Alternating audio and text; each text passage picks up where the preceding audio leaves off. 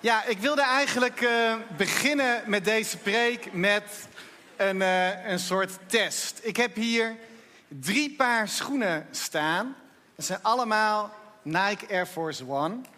Maar twee zijn er echt en één paar is nep. En ik heb even twee vrijwilligers nodig. Nou het is niet helemaal vrijwillig. Ik dacht, Jesse en Anje, komen jullie even het podium op?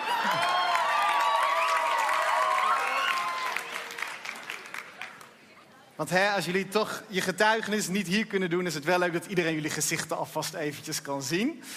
En uh, ik weet niet, hebben jullie een beetje verstand van uh, Nike Air Force Ones? Jesse? Een beetje. Een beetje. En jij, Anje? Nee. Helemaal niet. Ja, dan moet het denk ik vooral van Jesse komen. Maar loop even om deze tafel heen en jullie mogen samen beslissen. Ik zal de microfoon wel even vasthouden. Welke van deze schoenen is nou nep en welke echt? Jij kijkt al een beetje overtuigd. Ik heb een beetje gestuurd, want ik zag net iemand met een schoenendoos lopen. Dus ik weet al dat er eentje echt is. Oh. En eentje ziet er, ja, niet heel echt uit, laat ik het zo zeggen. Oké. Dan gaan we eerst even aan Anje vragen. Want die heeft volgens mij helemaal geen idee. Welke zal jij aanwijzen als het neppe paar? Deze. Die. En waarom? Eh, want eh, deze hebben wel zo'n eh, dingetje daarvoor, maar die niet. Die niet. Ja. Oké, dus de middelste, de hele grote maat, die zijn volgens jou nep. Nou, dat is niet waar. Want, sorry, dit zijn de neppen. Want, eh, ja, dat denk ik. Omdat deze, deze zien er het minst mooi uit. Eh, deze heb ik net in de schoenendoos gezien. Ja, ja. En die heeft iemand heel erg aangehad. Ehm, en ja, ik heb dit gewoon nog nooit gezien. En hier staat, ja, dit is mijn dit, denk ik. Oké. Nou, eh, Jesse, je hebt helemaal gelijk. Applausje voor Jesse. En jullie mogen nog heel even blijven staan, want ik heb jullie zo nog nodig voor eh, deel 2. Maar wat we kunnen leren al van deze test is dat, dat echt en nep soms heel moeilijk van elkaar te onderscheiden is. Er is heel veel nep in deze wereld. Ik heb een vriendin en die zegt: Ik hou van alles wat nep is. Ik hou van nep wimpers, nep nagels, van make-up. Ik hou van nep. Maar heel veel mensen houden ook van nep planten. Wie is er niet in staat om een plant in leven te houden? Nee, nou, dan zijn nepplanten natuurlijk de uitkomst. Maar velen van ons begeven zich ook dagelijks in een nepwereld. Hè, Als we aan het gamen zijn of series aan het kijken zijn, dan verplaatsen we ons naar een wereld die niet echt is. En daar kunnen we helemaal in opgaan. En op zich hoeft er helemaal niets verkeerd mee te zijn. Maar het kan wel problematisch worden als we op een gegeven moment niet meer goed kunnen onderscheiden wat is echt, wat is nep. Bijvoorbeeld als je het hebt over nepnieuws, fake nieuws, een term die de afgelopen jaren de wereld in is gekomen. Via de media worden berichten de wereld ingeslingerd. En wanneer we- weten we nou of het echt is, een goede weergave van de realiteit, of wanneer het verzonnen nieuws is? Of denk aan de term deepfake. Waarbij ze je hoofd kunnen gebruiken, kunnen plakken op een ander lichaam en je alles kunnen laten zeggen en kunnen doen in video's wat ze maar willen. Met alle gevolgen van dien. Of wat dacht je van vriendschappen? Of zelfs de liefde? Dat kan echt zijn, maar je kunt je ook heel verraden voelen door mensen. Soms is het heel moeilijk te onderscheiden wat is echt en wat is nep. Jullie mogen de schoenen even van die tafel halen, want ik heb nog een tweede test voor jullie. En dat is dit brood. En ik ben eigenlijk even benieuwd of jullie denken dat dit brood echt is of nep. Je kunt er natuurlijk even naar kijken, maar ik zal ook even de structuur laten zien. Je mag het aanraken, je mag het ruiken, je mag het proeven. Je mag ermee doen wat je wil. Neem even een hapje aan je.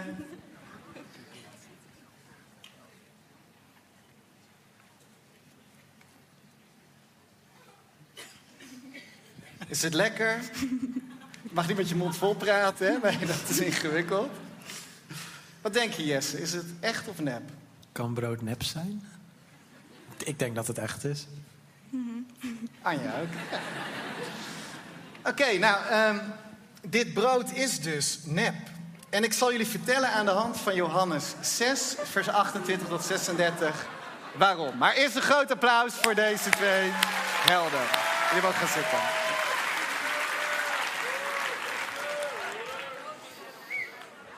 En ik wil met jullie eh, lezen uit het woord. En voor we dat gaan doen, wil ik graag met jullie bidden. Moet ik een andere microfoon, Martin? Ik hoor dat er veel suis is. Nee, gaat goed? Oké. Laten we samen bidden. Vader God, dank u wel voor de God die u bent. Dank u wel voor uw woorden. Dank u wel dat u tot ons spreekt iedere dag. En dank u wel dat u ook deze avond, deze zondagavond bij Kingdom Culture, wil spreken tot onze harten. En ik bid als we uw woord, de Bijbel, openen, ja, dat uw woorden krachtig en levend zullen doorwerken in ons binnenste. En daarom, Heilige Geest van God, nodigen we u uit om onze harten open te stellen. En Heilige Geest, ik bid ook dat u mij bijstaat. Jezus, dat u hier naast me staat en mijn hand vasthoudt. En dat ik samen met u dit woord dat u mij gegeven heeft, mag doorgeven. In Jezus' machtige naam. Amen.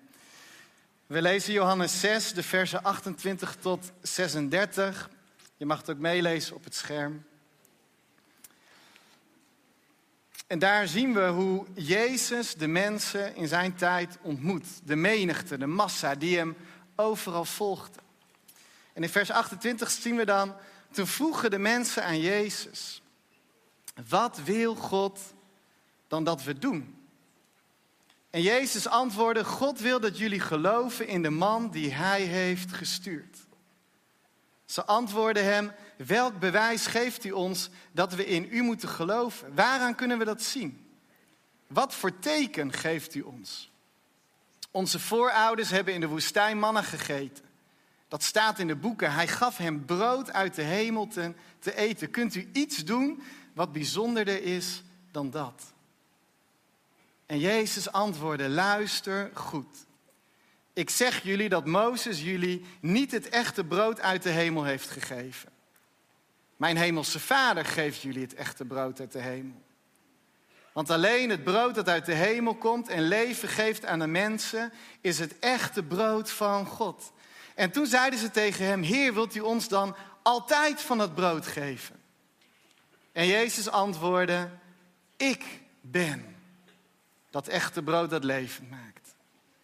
Iedereen die bij mij komt zal nooit meer honger hebben. En iedereen die in mij gelooft zal nooit meer dorst hebben. Maar jullie geloven mij niet, ook al hebben jullie mij gezien. En dat heb ik jullie al eerder verteld. Jezus roept de mensen in zijn tijd op om te geloven in degene die door de Vader gestuurd is naar deze wereld. Wat Jezus hier zegt is, jullie hebben mij nodig. Maar de mensen zijn niet gelijk overtuigd. En ze vragen om een teken. Een teken. Komt je dat bekend voor? Vanavond hebben we 19 dopelingen en nog vijf mensen die lid zullen worden van deze kerk erbij. En veel van de getuigenissen die ik mocht lezen, zag ik dat verschillende van jullie ook op zoek waren naar een teken op een bepaald moment in je leven. En misschien ken je dat ook wel in je eigen leven, dat je op zoek was, of misschien nog steeds op zoek bent naar een teken.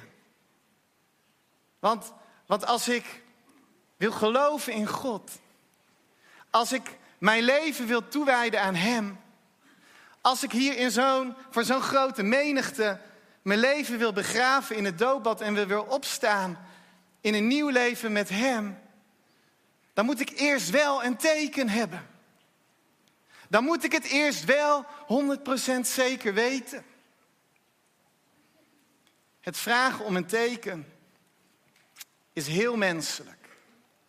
Het gebeurde 2000 jaar geleden en we doen het nog steeds. Het is heel logisch. We willen God wel, Maar we willen eerst zeker weten dat Hij er is. We willen zeker weten dat Hij ons ziet. We willen zeker weten dat Hij in staat is om dingen in onze situatie te veranderen. En daarom bidden we om een teken. Heer Jezus, geef ons een teken. En toch vind ik het een opmerkelijk verzoek van deze mensen in de tijd van Jezus. Want we hebben nu een stukje gelezen van Johannes 6. Maar als we het hele hoofdstuk lezen, dan zien we dat er allemaal bijzondere gebeurtenissen hebben plaatsgevonden voordat ze komen met deze vraag bij Jezus. Vlak daarvoor hadden de mensen namelijk al opgemerkt dat Jezus op onverklaarbare wijze van de ene kant van het meer naar het andere kant van de meer was gekomen. En sommige mensen getuigden er zelfs van dat ze hem hadden zien lopen op water. Dat is toch een teken? Maar goed, niet iedereen had dat gezien. En misschien hadden ze een paar andere theorieën bedacht. Maar die dag ervoor had Jezus nog met vijf broden en twee vissen duizenden mensen te eten gegeven. Door dat brood en die vissen oneindig vaak te vermenigvuldigen. En er werd zoveel eten uitgedeeld dat iedereen tonnetje rond was en er nog twaalf mannen met voedsel over waren. Dat is toch een teken? Hoe kan het toch? Dat Jezus zoveel wonderen en tekenen doet voor de neus van de mensen. En dat ze het niet begrijpen. Dat ze het niet zien. Maar dat doet me gelijk afvragen.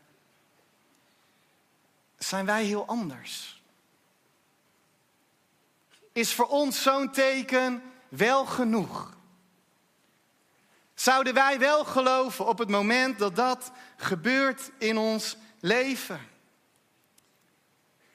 Of zou het kunnen zijn dat Jezus jou al lang een teken heeft gegeven, maar dat je het niet zag? Dat je het niet snapte. Dat je het misschien afdeed als toeval. Kan het zo zijn dat Jezus jou al lang een teken heeft gegeven, maar dat je het niet pakte? Dat je het gemist had? De mensen in de tijd van Jezus, die, die pakten het in ieder geval niet. En ze komen bij Jezus en ze zeggen, weet u wat? Als u nou een teken zou geven zoals Mozes deed in de woestijn, eeuwen daarvoor, toen het volk Israël 40 jaar lang moest zwerven door de woestijn. Toen de mensen honger kregen en terug verlangden naar Egypte.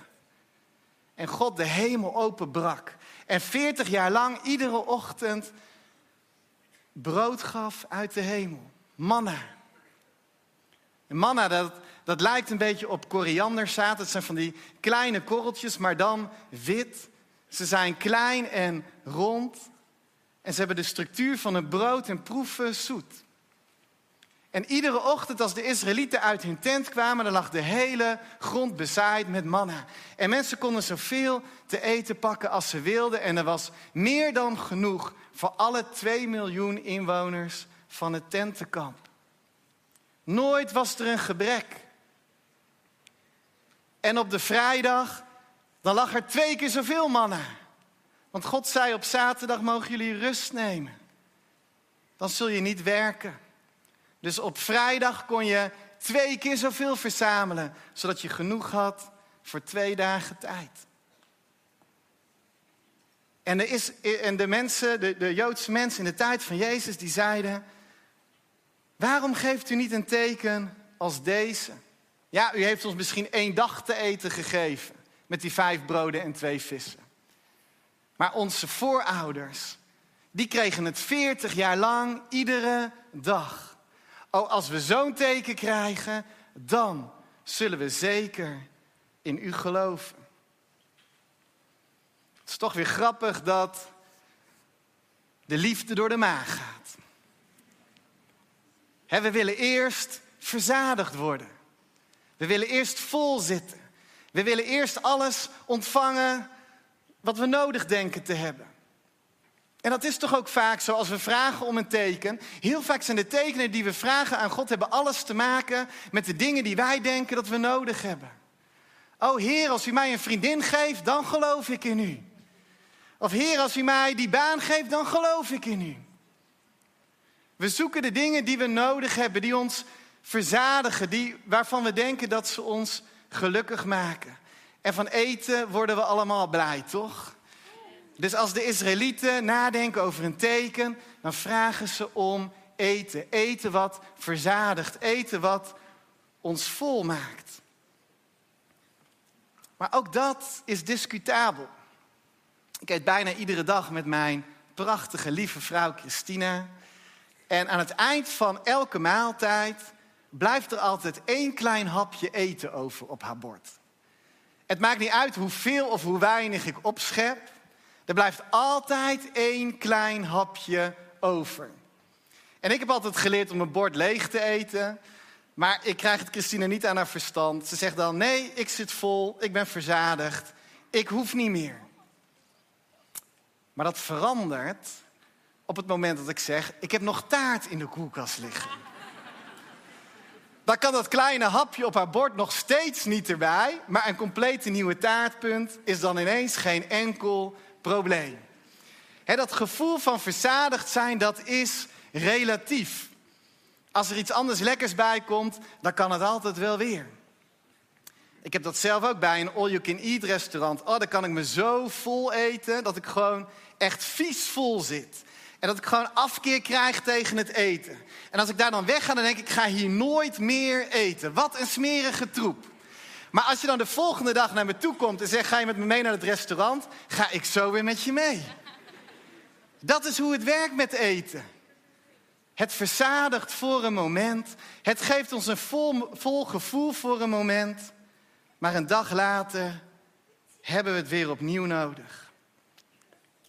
En Jezus zegt: Het verzadigt dus niet echt. En daarom zegt Jezus, is dit brood nep. Want het brood wat ik je wil geven, het echte brood, zegt Jezus, dat geeft je voldoende voor de rest van je leven. Als je eet van het echte brood, dan zul je nooit meer honger hebben. Dan zul je nooit meer dorst hebben. Maar dat echte brood, zegt Jezus, dat gaat niet over dit brood. Nee, dat gaat over een honger die dieper is dan onze lichamelijke honger. Het brood wat Jezus wil geven, dat stilt onze geestelijke honger. En daarmee raken de woorden van Jezus ons diep. Want we kennen allemaal die geestelijke honger toch? Ook als we naar de getuigenissen luisteren van de dopelingen, dan horen we dat in verschillende getuigenissen terug. Dat, dat verschillende van jullie omschrijven, ik, ik had honger. Ik was niet gelukkig. Ik zocht voldoening en allerlei dingen in de wereld en ik, ik vond het niet. Aniek die zei ook heel mooi in haar getuigenis, lees het maar na dat ze een leegte in haar had. Een leegte die ze niet kon vullen. Ken jij die honger? Ken jij die leegte? Ken jij het gevoel van zinloosheid? Ken jij het gevoel van onbestemdheid? Ken jij het gevoel van doelloosheid? En hoe probeer jij die honger in jou te stillen? Waar zoek jij naar verzadiging? Waar zoek jij naar bevrediging. Misschien in eten. Misschien is eten jouw manier om je gelukkig te weten. En je even los te maken van, van dat knagende gevoel van binnen, die leegte, die honger. Maar misschien is het voor jou ook wel gamen of series kijken of social media, wat je daar even bij vandaan haalt. Misschien is het wel je opleiding. Waar je al je tijd in stopt om maar zo goed mogelijk te presteren. Want als je goed je best doet op school, dan kun je een goede baan krijgen en dan kun je veel geld verdienen. Misschien is geld wel jouw doel om jou gelukkig te maken en die honger in jou te stillen. Misschien is het de bevestiging van mensen. Om leuk gevonden te worden door anderen, te zoeken naar populariteit, op te gaan in feesten, in drugs of drank of seks, in de hoop dat die leegte in jou gevuld wordt. Het is allemaal een synoniem voor nepbrood. Brood wat wel verzadigt, maar hooguit voor een kort moment. En er komt daarna altijd weer een moment dat je opnieuw die leegte en die honger voelt. Het is nooit genoeg. En zo zwerven velen van ons door het leven, op zoek naar iets wat vervulling geeft. Maar lieve vriend, lieve vriendin, mag ik vanavond aan jou vragen waarom je die honger toch overal probeert te stillen en die dorst toch overal probeert te lessen. Terwijl God jou het echte brood wil geven. Brood dat uit de hemel komt en leven geeft. Brood dat je geestelijke leegte vult. Brood dat je honger voor eens en voor altijd verzadigt. Het echte brood dat wij allemaal nodig hebben, jong en oud. Want anders gaan we nog dood van de honger. Het echte brood is Jezus zelf. Jezus heeft zichzelf gegeven om die vervulling voor jou te worden. En hij zei het 2000 jaar geleden tegen de mensen die om hem heen stonden. En hij zegt het vanavond tegen jou. Mag ik jouw leven vervullen? Want als je van mij eet, zul je nooit meer honger hebben. Als je het bij mij zoekt, dan zul je voor eens en voor altijd verzadigd zijn. Hij geeft ons vervulling. Willen jullie een teken van God? Een teken van God, het allermooiste teken van God, is geen spectaculair bekeringsverhaal. Het allermooiste teken van God is niet een spontane gebeurtenis die je totaal niet had zien aankomen, waar je God aan verbindt. Het allermooiste teken is niet een, een zieke die op wonderbaarlijke wijze genezen wordt. Het allermooiste teken wat God ons heeft gegeven is Jezus Christus zelf. Hij wandelde hier op de aarde, maar hij is er vandaag de dag nog steeds. En hij is op zoek naar mensenharten die, die hij mag vervullen. En het enige wat je hoeft te doen, is tegen Jezus te zeggen: Ja, vul mij. Kom in mijn leven, kom in mijn hart. Verzadig mij. Stil mijn honger. En vanavond mogen we 19 jonge mensen dopen. En jullie levens zijn allemaal verschillend gelopen. Jullie zijn allemaal totaal verschillende persoonlijkheden met allemaal een eigen verhaal. En dat hoorden we ook in jullie getuigenissen. Iedereen heeft weer wat anders meegemaakt. Maar er is ook één grote overeenkomst tussen jullie allemaal. Want jullie hebben het gezocht. Jullie hebben het geprobeerd te vinden in wat de wereld ons allemaal denkt te kunnen bieden. Maar jullie hebben het alleen gevonden in Jezus Christus. En jullie leven is daarmee een teken. En jullie leven is daarmee een getuigenis voor ons allemaal. En dat teken, dat kan ook voor jou zijn. Er is heel veel nep in deze wereld. Er is veel in de wereld wat ons maar heel even verzadigt, maar heel even geluk brengt. Maar als je Jezus vindt, dan vind je alles. Als je Jezus vindt, dan vind je het leven. Halleluja. Amen. Zullen we samen bidden?